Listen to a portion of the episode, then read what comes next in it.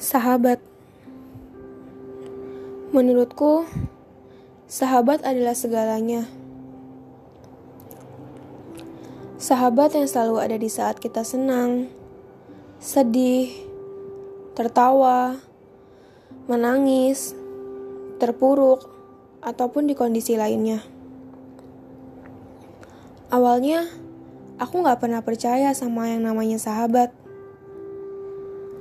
Tapi, seiring berjalannya waktu, aku jadi percaya bahwa sahabat itu benar-benar ada.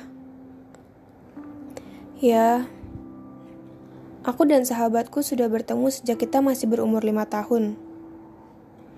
Di saat itu, kita bertemu, dan awalnya kita saling tidak mengenal. Tapi, takdirlah yang mempertemukan kita dan membuat kita menjadi semakin dekat sampai sekarang ini. Rumah yang berdekatan, sekolah yang sama, aktivitas-aktivitas kita yang sama, dan juga orang tua kita yang saling kenal. Di saat itu pula kita menjadi dekat, dan selama 14 tahun ini kita saling bersama, dan Gak pernah ada sedikit pun konflik di antara kita.